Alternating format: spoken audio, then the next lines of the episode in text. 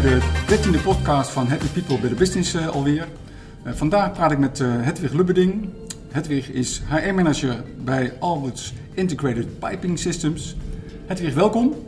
Um, ik vind het erg leuk dat je vandaag met mij wilt praten over employee experience en werkgeluk en jullie aanpak daarin. Maar voordat we dat gaan doen, zou je eerst even kunnen toelichten wat jullie hier doen op de locatie in Hilversum. Ja, wij, uh, nou ja, zoals gezegd, Albert Integrated Piping eh, Systems. Uh, wij maken fittingen van uh, diverse materialen.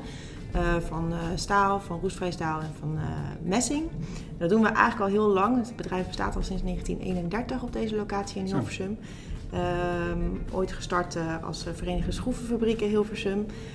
en inmiddels maken we nog steeds wel het merk VSH en zijn we onderdeel geworden van Albert, een veel grotere groep die allemaal werken met Mission Critical Technologies, waarvan wij dan een onderdeel zijn als Alberts Integrated Piping Systems. Die, die fittingen, waar worden die voor gebruikt? Ik neem aan dat dat business to business is, dus voor andere uh, bedrijven die dat weer verder gaan gebruiken? Ja, nou ja, jouw installateur waarschijnlijk thuis in je verwarming of als je de meterkast open doet, dan zullen daar uh, spullen van VSH in zitten.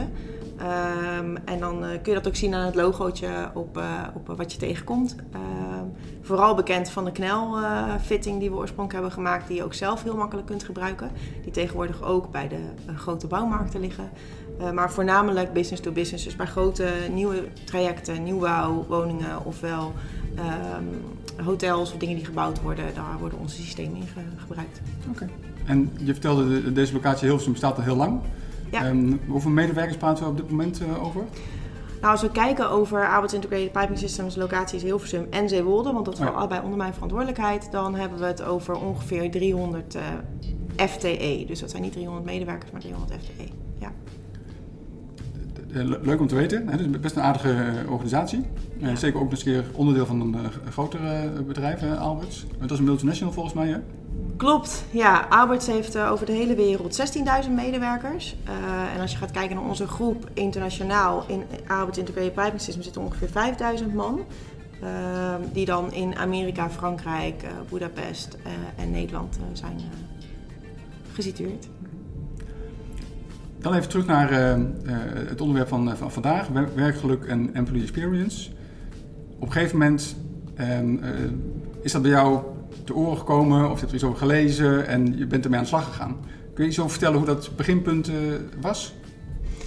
Ja, ik kan zelf mijn beginpunt, dat ik in ieder geval de eerste keer over hoorde, niet meer zo heel goed herinneren. Ik weet wel dat ik op een gegeven moment Helene ben gaan volgen, Helene Mes, mm -hmm. uh, van jullie Happiness Bureau.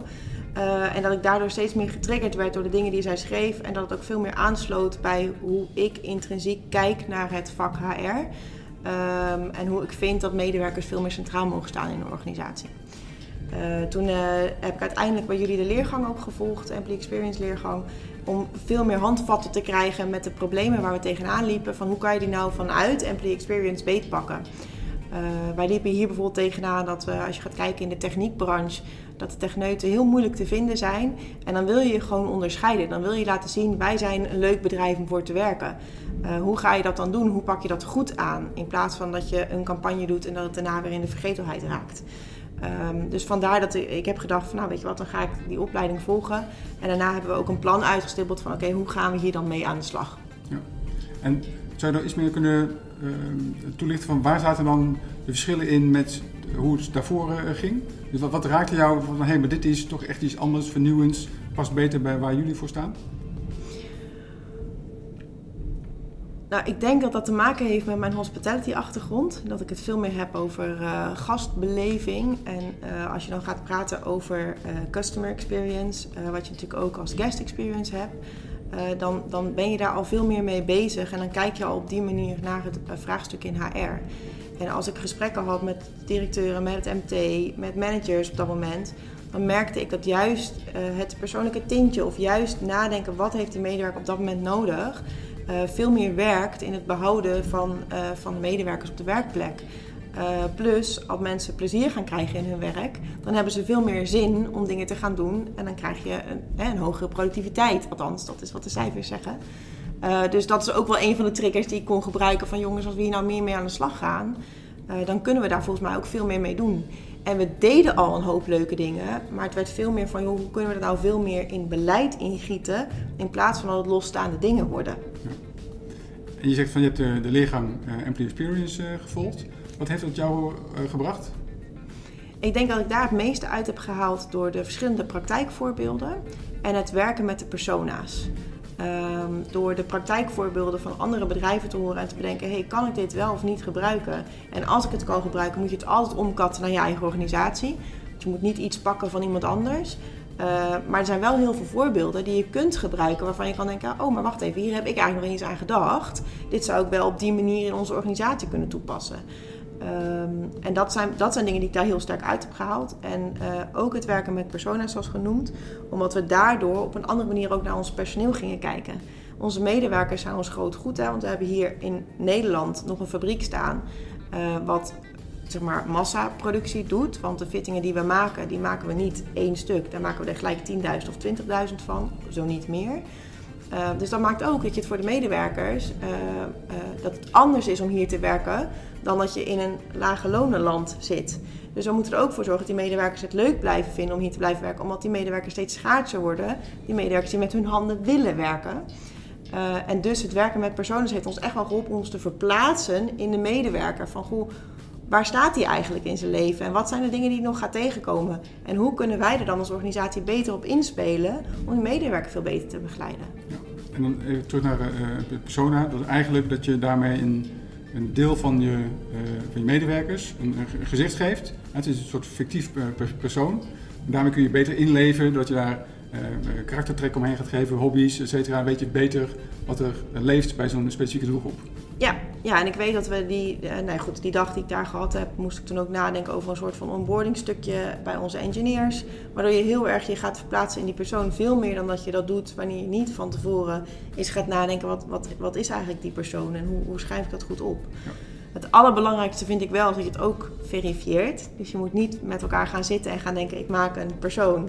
En dat is dan hè, voor mij de waarheid. Wij hebben ook echt wel even de terugkoppeling gevraagd met: hey, herken jij jezelf hierin? Uh, ofwel met de manager gesproken met: herken jij je, medewerkers hierin? Uh, vanuit, we hebben uiteindelijk metingen gedaan op werkgeluk, hebben we ook sessies met, met de afdelingen gehad. En daar gaan we nu dit jaar ook even toetsen van, hey, klopt dit dan met het beeld wat wij hadden en wat we hadden opgeschreven over deze groep medewerkers? top. Um, ik ga even, even, terug, want je had de, de masterclass gedaan en gelukkig geïnspireerd geraakt. Wat heb je toen als eerste, tweede, derde stap hier binnen Albert uh, gedaan? een van de belangrijkste onderwerpen op dat moment was voor ons employee engagement. Dus hoe krijgen we onze medewerkers meer betrokken en meer, uh, uh, nou ja, meer engaged. En daarvoor ben ik op zoek geweest naar verschillende soorten manieren om dat te gaan doen. En het allerbelangrijkste vond ik, laten we gaan luisteren. Laten we gaan vragen aan de medewerkers wat ze nou vinden van ons als bedrijf en waar we in kunnen verbeteren en dat dan beter pakken. Waardoor we ze veel meer erbij betrekken in plaats van dat we het voor ze bedenken. Uh, en um, in die sessies, dat is ook wel wat, we, wat ik toen veelvuldig met het MT heb besproken, um, hebben we toen ook gezegd: laten we dan ook een onderzoek gaan doen onder onze medewerkers. Om te gaan vragen: hoe vind je het eigenlijk om hier te werken? Uh, en zo zijn we uiteindelijk ook uh, bij jullie onderzoek terechtgekomen. En wat heeft dat voor jullie opgeleverd, de, de resultaten daarvan? Het eerste jaar uh, was natuurlijk de nulmeting, want we hadden dit nog nooit gedaan. In het verleden werd er ook gezegd tegen mij van, goh, uh, we gaan hier toch niks doen met de uitslag. Toen zei ik, nou dan ga ik hem ook niet doen. Uh, maar dat is wel echt, echt veranderd. Dus ook de mentaliteit of de gedachtegang hier binnen is anders geworden. Waardoor we veel meer kunnen zeggen, we willen ook wel iets doen met de, met de uitslagen. Dat was voor mij wel voorwaarde één. Hè? Ja. We gaan niet een onderzoek doen en vervolgens niks doen. En dat vind ik heel interessant. Wat heeft die verandering veroorzaakt. Dat er op een andere manier werd gedacht. Dat van hey, nu willen we wel graag er wat mee gaan, gaan doen. Ja, dat, dat, is, dat is heel lastig te pinpointen met is er nou echt iets gebeurd wat dan uh, dat veroorzaakt heeft. Mm -hmm. uh, maar ik kan wel zeggen, ik denk dat het te maken heeft met heel veel er wel over spreken. Uh, korte lijntjes houden, kijken naar welke problemen zijn er. Zijn er problemen die ik vanuit deze hoek kan oplossen? en dat dan ook gaan benoemen. Uh, wat mij heel erg helpt in mijn overtuigingskracht is gewoon heel veel informeel uh, spreken. En vervolgens dan met elkaar zeggen: Oké, maar dit is wel wat je aangaf aan mij als zijn een van jouw problemen. En ik denk dat ik het hiermee kan ondervangen of oplossen. Of dat we hiermee een stap in de goede richting zetten. Uh, Uh, dus dat zijn voor mij wel de stappen die ik heb gezet om ook ervoor te zorgen dat daar verandering in kwam. Maar dat gaat niet over één nacht ijs. Het is niet dat dat gisteren gebeurd is en dat het dan morgen geregeld is. Maar het geldt dus wel van wat je aandacht geeft, dat groeit. Zeker. want jij en misschien ook anderen hebben daar dus aandacht aan gegeven. En dan zie je ook dat het dus blijkbaar aanslaat en dat het uh, ook verder kan groeien. Ja, en herhaling werkt daarbij ook. Ja. Dus ik denk dat ik met bijna alle problemen waarmee ze aankwamen. waar we zeiden, joh, we lopen hier tegenaan, we lopen daar tegenaan. Wil eens meedenken hierover? Dat ik echt wel heb gedacht, hoe kan ik dit vanuit deze hoek uh, belichten? En dat ook iedere keer benoemd. Ja, maar als we vanuit deze hoek gaan kijken, dan zouden we dat kunnen oplossen door dat of dat te gaan doen. Of uh, als we nou een onderzoek gaan doen, dan kunnen we vragen aan de medewerkers. Want wij kunnen het hier wel met elkaar bedenken waarom medewerkers niet bij ons komen werken of vertrekken of wat dan ook. Maar laten we het alsjeblieft aan de achterkant gaan vragen. Uh, en door dat continu te blijven benoemen, ontstaat ook een soort van: oké, okay, er is bijna niet meer om, omheen te komen dan. Dan moeten we het ook wel echt gaan doen. Ja. Um, dat was even een uitstapje. Terug ja. naar de, meting, want dat was een nulmeting. Uh, ja. Die hebben jullie uitgevoerd. Ja, um, toen kregen we 6,9. Uh, op zich niet heel slecht voor 6,9 was een, wat, het werkgeluk, gemiddeld werkgeluk van, van de medewerkers. Ja, klopt. Ja op zich niet uh, dat we dachten van, uh, uh, nou, niet eens zo heel slecht, hè, want dat had, ook een 4 kunnen zijn als je een schaal van 1 tot 10 hebt. maar wij waren in elk geval niet tevreden. Dat is ook weer een beetje waar we voor staan. We willen altijd wel verbeteringen en streven naar het beste. Um, dus wij hebben gewoon gezegd van oké, wat kunnen we hier nou uithalen als we gaan kijken naar de grootste dingen die mensen teruggeven.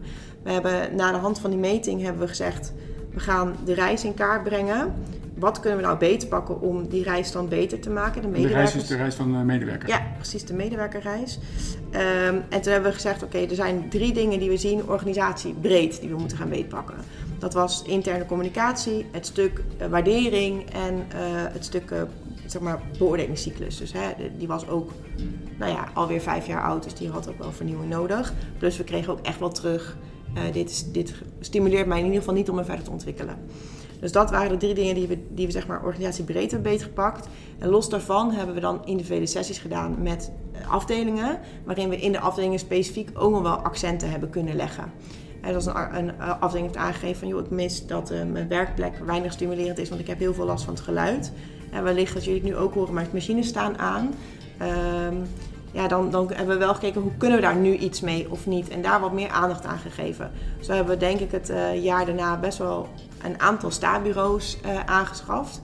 Uh, en niet lukraak van oké, de medewerker zegt nu dat hij een stabureau wil, dus we doen dat.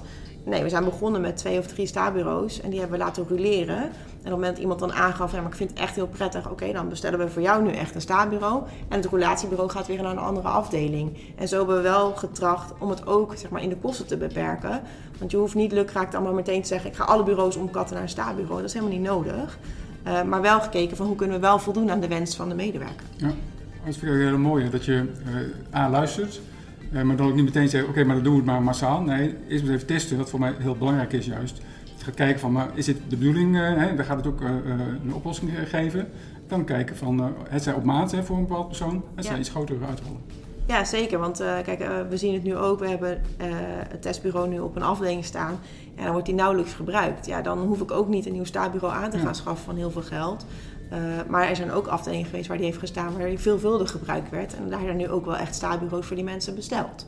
Dus het is ook wel doen wat je zegt en nakomen wat je afspreekt uiteindelijk. Ja. En wat hebben jullie met waardering gedaan? En wat is een ander onderwerp wat uit het onderzoek kwam? Ja, waardering is denk ik iets wat bij ons altijd aandacht zal nodig hebben. Ik denk dat het heel goed is om te beseffen dat waardering iets is wat je bij mensen snel aan kunt krijgen en heel moeilijk zeg maar goed kunt doen. Um, en dat, als daar geen aandacht meer op zit. dus of je moet vanuit nature dat continu vanuit jezelf hebben. Maar in een technisch bedrijf waar je veelal ook veel techneuten hebt zitten, is dat niet per se van nature daar aanwezig. Dus dat blijft iets wat continu aandacht nodig heeft. Een van de dingen die wij hebben gedaan is toen we de resultaten van het eerste onderzoek terugkregen, is een workshop over waardering om het besef te creëren bij de leidinggevende. Goh, er zijn uh, diverse niveaus van waardering. Uh, vijf verschillende. En de manier waarop jij graag waardering ontvangt, hoeft niet te betekenen dat je medewerker dat ook zo ziet. En ga nou eens met je medewerker in gesprek om te vragen op welke manier diegene nou graag die waardering ontvangt. En hoe kun je met simpele dingen waardering geven. Ik weet van mezelf, ik vind het heel fijn om, om complimenten te krijgen of te horen dat je je werk goed gedaan hebt. Laat ik het zo zeggen. Niet zozeer het compliment, maar meer dat je werk goed gedaan hebt. En dat uitspreken met je leidinggevende maakt dat jouw leidinggevende je op een andere manier kan aansturen, waardoor je je wellicht veel meer gewaardeerd voelt dan wanneer je dat ook niet uitspreekt. Ehm, dus wij hebben wel echt getracht om die managers hè, te, van te doordringen van goh, ga naar dat gesprek aan, ga het vragen. Uh, want dan kun je ook zien van hey, geef die waardering op de juiste manier. Wat vaak gebeurt is dat bijvoorbeeld, uh, we hebben ook sessies gedaan over communicatie. En een van die sessies is aangegeven van joh, ik merk gewoon dat als afspraken worden verzet, dat ik, dat ik daardoor ook zelf minder belangrijk vind. En, en ook de communicatie die daar dan kort op zit. En als je dan daarop gaat letten, dan is het ook goed om na een tijdje weer tegen diegene te zeggen: Goh, ik heb hier nou de afgelopen periode op gelet. Uh, naar mijn idee heb ik het iets beter gedaan. Hoe vind je dat zelf? Niet alleen om uh, te laten zien, ik heb naar je gelu geluisterd, maar ook ik heb getracht het beter te doen. Want vaak is het zo dat als uh, iets gebeurt en er gebeurt dan nog een keer, ondanks dat het dan het gebeurt eerst 8 van de 10 keer, dan gebeurt het nog 2 van de 10 keer. Die twee keer zal diegene onthouden, tenzij jij gaat benoemen: ik ben hier actief mee bezig geweest. Ik heb jou gehoord destijds. Ik heb je, naar je geluisterd. Ik heb hier actief iets mee gedaan. Wil je me alsjeblieft vertellen of dat nu wel oké is? Want dan gaat die medewerker ineens andersom kijken en zeggen: Oh ja, 8 van de 10 keer is het nu wel gelukt. Terwijl voorheen was dat veel meer. En dat maakt dat hij zich daardoor ook weer gewaardeerd voelt. Maar ook dat jij wel de feedback krijgt. Doe ik het op de goede manier? Of is het nog niet helemaal waar je naar op zoek bent? Ja. Dus dat is super belangrijk. Ja, mooi. Een ander onderdeel dat je noemde was het beoordelingssysteem. Ja. ja dat, uh, dat medewerkers aangaven dat het niet stimuleerde om zichzelf verder te, te ontwikkelen. Klopt. Wat hebben jullie daar uh, na de meting aan gedaan? Nou, een van de dingen die we hebben gedaan is, we hebben het omgegooid. We hebben gezegd, we gaan niet meer beoordelen. We gaan er helemaal vanaf. Uh, en helemaal, dat is wel dat wij zeggen van joh, we willen graag het hebben over ontwikkeling van mensen. En hoe kunnen we jou veel beter in je kracht zetten. En als we het hebben over ontwikkeling van mensen, dan hebben we binnen het HR-vak ook de Nine Grid, die dat meegeeft. Van hoe doe je je performance en hoe doe je je potential. En wij hebben getracht een systematiek op te bouwen uh, aan de hand van die Nine Grid. Om te zeggen, oké, okay, maar dan willen we ook wel te kunnen zeggen... mensen zijn toptalent of mensen zijn solid contributors binnen onze organisatie. Of we zien dat een, iemand underperformt. Okay, dus en waar... even tussendoor, de, de Nine Grid is een indeling van, uh, van talenten van mensen? Hoe, hoe moet je dat zien? Ja, en de Nine Grid is een manier waarop je kunt zeggen: ik ga mijn organisatie in kaart brengen en dan kan ik zien waar uh, de, de, medewerkers zitten. Okay. En dan heb je het over bijvoorbeeld high performance, maar low potential is dan uh, een valued specialist. Um, als je het hebt over high performance en ook high potential, dan heb je het over een toptalent. Uh, en dan kun je ook veel beter naar afdelingen kijken en zeggen: Oké, okay, ik zie hier dat ik alleen maar specialisten heb. En dat is prima, wellicht op dit moment. Maar als ik dan een nieuw iemand ga zoeken, dan wil ik eigenlijk iemand die wat meer richting dat toptalent gaat. Want als je het gaat hebben over successieplanning, wat je ook graag doet in een organisatie, dan kun je dit gebruiken daarvoor. Dus wij hebben gezegd, Albert gebruikt dat voor hun Employee Development programma wat ze hebben gemaakt. Dan gaan wij het gebruiken om de ontwikkeling van onze medewerkers in kaart te brengen. Waar staan we nu en waar kunnen we ze naartoe ontwikkelen? Dat is eigenlijk uh, de manier waarop we het hebben gedaan. We hebben daarvoor gebruik gemaakt van uh, uh, het spel van Parktheater. Ja, want die hebben. Ja, precies. Die hebben namelijk vier categorieën. Dus we hebben de categorieën daarvan zeg maar, eruit gehaald. Uh, om te zeggen, oké, okay, die categorieën zijn ook wel de onderwerpen waar wij het over willen hebben. Leuk. Uh, dus die, die categorieën zijn bij ons de onderwerpen geworden. Daar hebben we met de OR vragen voor gemaakt. Van goh, welke vragen willen we dan stellen bij bepaalde categorieën. En uiteindelijk kom je dan wel bij van, als we dan de Nine gaan invullen, waar sta je dan? Ja. Ander onderdeel is interne communicatie. Ja. Altijd lastig lijkt me, hè? want je, vanuit communicatie doe ik bijna nooit uh, goed. Nee, Wat hebben jullie daar uh, aan gedaan? Ja, dit blijft een lastig onderdeel. En uh, ik denk dat we, we hebben getracht dat beter te doen. Of in ieder geval ons bewustzijn daarover te vergroten. Um, en dan ga ik even kijken hoor. Want wij hebben sessies gedaan met leidinggevende over communicatie. Van hoe kun ik nou mijn communicatie met mijn groep verbeteren op managementniveau. Dus op, zeg maar, ik communiceer naar de medewerkers toe. We hebben gekeken wat doen we organisatie breed en wat willen we daar dan in doen. Um, maar we willen het ook goed laten landen. Dus dit blijft een soort van uh, zoeken naar de juiste weg. Toen ik hier binnenkwam, toen hebben we denk ik dat we één keer in de vier maanden, in de vijf maanden een memo rondstuurden over nieuwe collega's. Maar dan waren er intussen misschien al wel zes gestart. Ehm, en daar heb ik op een gegeven moment in 2017 volgens mij wel echt van gezegd: dit gaan we niet meer doen. We gaan elke maand een memo uitsturen als er nieuwe collega's zijn. Uh, omdat ik het gewoon belangrijk vind dat in ieder geval dat kenbaar is. En als er niemand start, dan is er geen memo. Maar als er wel iemand start, dan is er dus altijd een memo. Um, en dan blijkt dat mensen dat nu alweer normaal vinden. dus als je gaat terugkijken in de tijd, dan denk je, ik heb al stappen gezet in interne communicatie. Maar mensen vinden dat nu wel normaal. Eh, wat we gaan doen dit jaar, want we hebben gezien in de tweede meting, om daar dan gelijk eventjes op door te gaan, dat daar nog steeds wel dingen in zitten die niet goed zijn. Dus wat we dit jaar willen gaan doen, is ook wel echt vragen aan de medewerkers, maar wat, geef me nou ons nou eens aan, wat mis je nou aan communicatie? Want uh, wat is nou essentieel voor je werk om wel te weten? Want we kunnen wel alles communiceren, maar is het ook nodig voor de functie die je uitoefent? Of is het veel belangrijker dat jij op de juiste momenten de informatie krijgt die je nodig hebt voor je functie? En dan weet je misschien niet alles, maar is dat ook nodig? Uh, dus die vraag gaan we dit jaar uh, specifiek stellen om wel echt terug te vragen van oké, we hebben getracht dit beter te pakken vanuit ons. We denken dat we daar wel al stapjes in hebben gezet we zijn er nog niet, dat, dat pretenderen we ook niet, want communicatie is iets wat volgens mij altijd ongoing is. Ja. Uh, maar vertel ons nou eens wat je mist, zodat we kunnen kijken hoe we dat kunnen doen. Je refereerde al even aan de, de tweede meting. Ja. Na een jaar is er een tweede meting geweest. Klopt. Um, hoe zag die eruit? Veel beter. Nee, ja. nee we hebben 7,2 gescoord. Daar zijn we op zich wel trots op. Dat we in ieder geval een verbetering hebben laten zeker, zien. Zeker, zeker. Um, ik begreep dat dat is ook een eh, significante verbetering. Het is echt, hè, is echt, jullie hebben echt iets gedaan waardoor het van 6,9 naar 7,2 echt eh, een waardevolle eh, meer, dat verstijging is. Ja, nou ja, goed, dat is altijd goed om dat zo terug te krijgen van je medewerkers. En ik denk dat dat het grootste goed is. Mhm. Dat je terugkrijgt van, hé, hey, jullie hebben dat goed gedaan. Of in ieder geval beter gedaan dan het jaar daarvoor. Maar we zijn er nog niet. En dat, dat, dat, we weten dat ook. En we willen ook nog steeds wel, hè, wat ik net al zei van die 6,9, we kunnen beter. We kunnen ook beter dan deze 7,2. Uh, dus we gaan wel echt kijken hoe we dat weer beter kunnen doen. Vorig jaar hebben we wel heel erg specifiek gekeken, oké, welke stelling zijn nou de dingen die we eruit willen pikken. En dit jaar hebben we gezegd, we gaan niet op stelling doen, we gaan het op thema's beter pakken. Uh, dus we hebben gezegd, we pakken daar nu 1, 2, 3 thema's uit. Afhankelijk ook van de terugkomstsessies nog. Uh, want vanwege corona hebben we die uitgesteld. Dus we gaan nu in september, oktober sessies hebben met de medewerkers. En dan gaan we wel echt vragen, zijn het dan ook de thema's waar jullie graag willen dat we mee aan de slag gaan. Uh, dus we pakken het iets breder beet. En die thema's gaan we ook over iets meer jaren uitspreiden. Uh, want binnen een jaar dingen realiseren is ook wel ingewikkeld. Ja. Uh, dus dat is een beetje hoe we er nu naar kijken. dus die thema's gaan we straks bepalen en verder uitwerken. Het is wel heel mooi dat jullie bij heel veel zaken de medewerkers betrekken. Echt goed naar hen luisteren. En ook een, een test om te kijken van hey, levert dit een verbetering ook, ook, op. Um, hoe heb jij, of nee, dit is een andere vraag. Is het alleen maar een, dit een feestje van HR, eh, van jou en je collega's? Of is er echt binnen het MT, binnen de organisatie, draagvlak voor de, de, de wijze waarop het nu wordt aangepakt?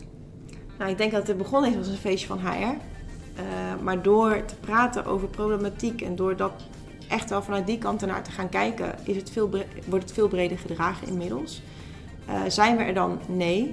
Uh, maar ik ben daar ook wel van overtuigd dat het intrinsiek vanuit de manager moet komen op enig moment. Dus het is voor mij continu de spiegel voorhouden, maar dit kunnen we anders doen. Want als je het zo aanpakt, dan. Uh, waardoor die medewerker of die manager uiteindelijk ook echt overtuigd is van: oké, ik zie ook wel echt in dat dit meerwaarde heeft. Uh, als dat niet gebeurt, dan ga ik ook niet blijven duwen. Hè? Dus dan doen we wel de sessies, dan doen we ook. Uh, dan blijven wij benoemen dat het belangrijk is. Maar dan we, ik ga niet die medewerker tegen zijn zin en over de streep heen trekken. Ik vind dat intrinsiek bij hem ergens moet klikken dat, uh, dat dit beter is.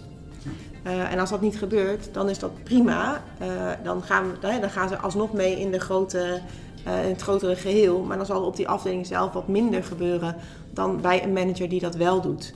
En als je een aantal managers meekrijgt in je reis, en dat is ook wat er gebeurd is, dan zie je opeens dat andere mensen denken: maar op die afdeling, wat gebeurt daar?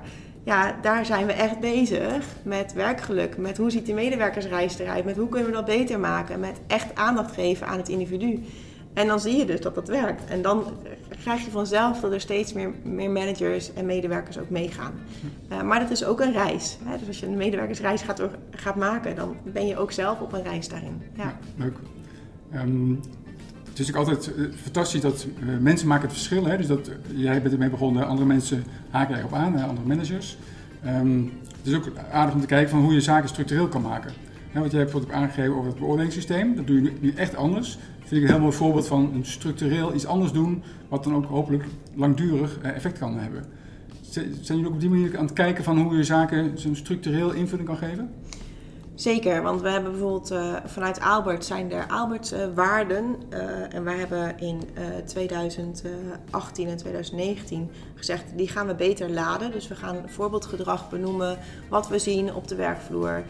met quotes vanuit medewerkers, met goh, hè, als we het hebben over take ownership.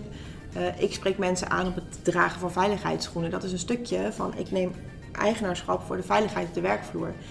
Um, dus dat soort dingen zijn we gaan benoemen. Ik ben uh, vorig jaar met verlof geweest en dan zie je dat dat dus dan instort. Uh, omdat het dan te veel hangt bij twee personen. Dus bij mij en in dit geval bij de, bij de marketingdame. Uh, um, ja, dat is natuurlijk niet de bedoeling. Dus dan hebben we het nog niet goed gedaan. Dus dan moeten we kijken hoe gaan we dit wel goed doen. Want als we dit willen blijven doen, dan moeten we ervoor zorgen dat we dit blijven laden. Dus dat is wel iets waar we nu wel meer mee bezig zijn dan in het begin. In het begin dachten we vooral, we willen ook veel uitstralen.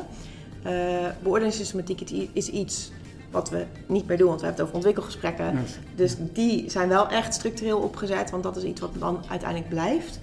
Um, maar als we het hebben over communicatie, over uh, nou ja, leiderschap en dat soort dingen, dan zijn dat wel dingen waar we nog wel echt mee bezig moeten. Van hoe gaan we dit ook structureel uh, maken binnen ja. de organisatie. En daarmee onderdeel van je cultuur. Ja, ja, ja. absoluut. Uh, en het geldt ook voor de medewerkersreis. Hè. We zijn uh, uh, bezig nu met ook welke momenten zijn er nou vanuit de persona's, maar ook vanuit de medewerkers, die we zien die belangrijk zijn. En wat kunnen we daar dan mee als organisatie? Maar met name ook, hoe kunnen we dat dan zo doen dat het ook altijd past? Want het moet niet zo zijn dat je het nu kunt doen en dat je dan vervolgens zegt: Ja, dat is leuk, dat hebben we nu één jaar gedaan. Maar volgend jaar past dit niet meer. Ja, dat, dat gaat niet. Dus dat zijn wel dingen die we structureel moeten gaan inregelen. Je had het even over dat um, de reis voor de medewerker is ook uh, de reis voor jou en voor anderen. Um, ik weet dat jij over dit soort onderwerpen ook uh, blogt. Wat um, levert dat jou op om erover te bloggen? Nou, ik denk dat wat het mij oplevert is dat als je uh, ergens aan begint. Kijk, je vraagt mij net hoe kwam je ermee in en hoe ben je gestart. Ik weet het al niet eens meer zo heel goed. En door voor mezelf op te schrijven welke stappen heb je gezet, kun je ook wel echt goed terugkijken waar kwam ik eigenlijk vandaan. En uh, het bloggen erover helpt mij om dat even op een rij te zetten.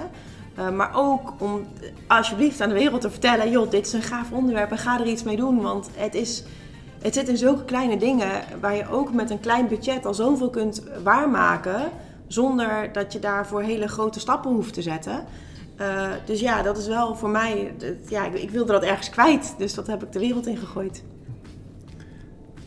vind ik heel mooi, hè? want dan kun je precies ook zien van, hé, hey, we denken wel dat we misschien nog niet zoveel gedaan hebben, maar als je dan terugkijkt, denk je, hey, wauw, we hebben toch mooie stappen gezet. Even een ander onderwerp, we zitten hier bij elkaar eigenlijk in, in een coronatijd. Hoe heeft dat jullie geraakt en ook zowel qua organisatie, maar ook qua dit soort aspecten van, wordt het in één keer stilgezet, pak je het dan toch op, hoe doe je dat soort dingen?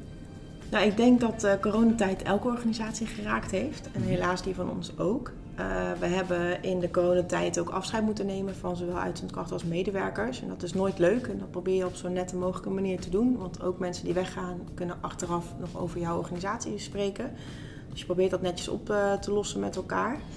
Uh, als je gaat kijken naar wat we hebben getracht te doen in de coronatijd, is veelvuldiger en vaker communiceren.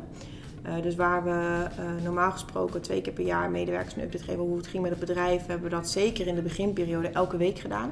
Met de, deze stappen zijn we aan het zetten. Uh, we zorgen ervoor dat we uiteindelijk financieel gezond willen blijven. Dus laten we kijken met elkaar wat we eraan kunnen doen.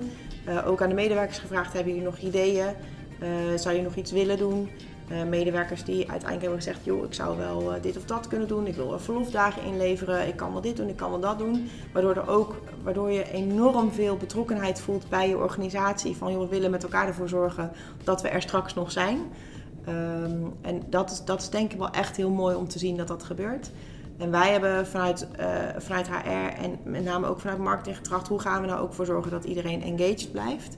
Uh, we hebben twee keer een, uh, een Kahoot-sessie gedaan met vragen over collega's, met name over de dingen die je niet meekrijgt als je hier niet bent. Um, dus welke collega was de laatste 12,5 jaar in dienst? Welke is er het snelst jarig? dus echt wel over de persoonlijke dingetjes. Dat was voor ons ook een, een, test. Dus we hebben volgens mij begin mei de eerste gedaan. En ik kreeg er best wel veel respons op en veel feedback. En toen hebben we net voor de zomervakantie, of in ieder geval voordat iedereen op vakantie ging, hebben we de tweede gedaan. daar hebben we toen ook wat algemene vragen ingesteld. Omdat iemand zei, maar als ik dat dan niet weet van die collega, is het wel leuk als ik toch nog wat punten kan scoren. dus daar hebben we wat groter gemaakt. En daarmee hebben we wel echt getracht van hoe kunnen we nou die medewerkers in ieder geval een positieve oppepper geven. En wat we ook hebben gedaan is, we hebben vanaf um, halfwege april Happy Tuesdays gedaan, of Feel Good Tuesdays eigenlijk. Waar we elke dinsdag eigenlijk een klein berichtje de wereld in hebben gestuurd. Wat dan meer fun was dan echt waar of zo. Of, of althans dan noodzakelijk, laat ik het zo zeggen. Uh, dus uh, uh, bijvoorbeeld hoeveel stappen het is van de receptie naar de parkeerplaats en terug. Hè, want blijf gezond, want je zit nu veel, want je zit thuis. Hoe, we hebben een keer een lunchpakketje door de salesmannen laten bezorgen thuis. met daarin dat je thuis een broodje kon afbakken en dergelijke. Um, als Happy Tuesday. We hebben nou ja, goed, wat dingetjes gedaan over recepten. Nou ja, we hebben al een paar thema's waarvan we dachten: hè, blijf fit, eet gezond en nog wat dingen. Waarvan we gezegd: nou, dat gaan we elke dinsdag gewoon doen. En dat hebben we ook gedaan tot aan de vakantieperiode. Om gewoon mensen nou ja, gewoon ook een beetje vrolijkheid te bieden, laat ik het zo zeggen. Ja, heel belangrijk. En wat we uiteindelijk ook gedaan hebben, is een kaart gecreëerd. En die hebben we laten sturen met een persoonlijke boodschap van de manager achterop. Uh, die is verstuurd begin juni. Um, om medewerkers ook nog een keer een hart onder de riem te steken met goed bedankt voor je inzet deze corona-periode. Of iets anders, want het zijn persoonlijke boodschappen geweest, dus ik weet ze niet. Uh, ik heb dichte enveloppen gekregen en ik heb ze op de post gedaan. Uh, maar wel met een persoonlijke noot van je manager om gewoon wel echt eventjes die persoonlijke aandacht nog te geven. En hoe kijken jullie naar uh, de tweede helft van 2020? Ja, we zien, wij hebben zelf gezien dat in juni alweer iets aantrok. Ehm, we zijn, uh, nou ja goed, we weten niet wat er gaat gebeuren. Hè? Want als er een tweede golf komt, dan uh, weten we nooit uh, wat er speelt. En wat we dan weer moeten gaan doen. Kijk, uiteindelijk zijn we natuurlijk wel, het streven is er wel naar om ervoor te zorgen dat we een gezonde organisatie blijven. Um, maar ja, ik, ik zelf zie dat we daar wel weer dingen, we zijn wel weer langzaam aan het bouwen. Als in, we zijn wel weer aan het kijken wat kunnen we doen en wat zouden we dan eventueel kunnen doen, ook in dit kader. Wat wel past binnen de lijnen van dit jaar. 2020 is gewoon voor iedereen, denk ik, een ander jaar dan normaal. waardoor we ook wel moeten kijken hoe kunnen we dat bij de medewerkers ook goed bespreken. want terugkomen naar de werkvloer na een tijd thuis zitten. Ik heb, ik heb zelf, nou, ik vertelde net dat ik met verlof ben geweest, een kleintje thuis. Dat was voor ons ook heel heftig. Die was ineens ook bij ons thuis. En dan moet je je werk en je privé gaan combineren.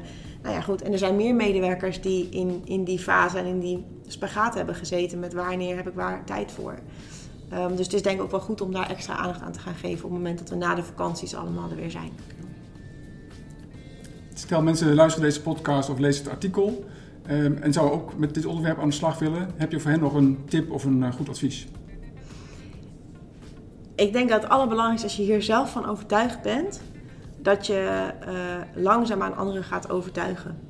En uh, dat kan met hele kleine dingen. Een kleine stapjes zetten maakt uiteindelijk ook dat je bij je grotere doel terechtkomt. Dus denk niet, het moet groot, het moet meteen met een hele super grote stap. Begin gewoon super klein. En ga daarmee dan telkens overtuigen, laten zien van ja, zie je, dit heb ik gedaan vanuit Employee Experience. En je ziet dat het werkt. Dus zullen we de volgende stap daarin ook gaan zetten. Uh, en anders dan uh, kunnen ze me altijd eventjes bellen en dan uh, ga ik even met ze babbelen om te kijken wat we kunnen doen. Maar ik zou zeker gewoon klein beginnen. Juist, maar wel blijven benoemen dat het onderdeel is van die employee experience. Want daarmee kun je het langzaam groter gaan maken. Precies, ja. Nou, Hedwig, ontzettend bedankt voor de, dit interview. En heel veel succes verder met hier bij Albus Integrated Piping Systems. Dankjewel.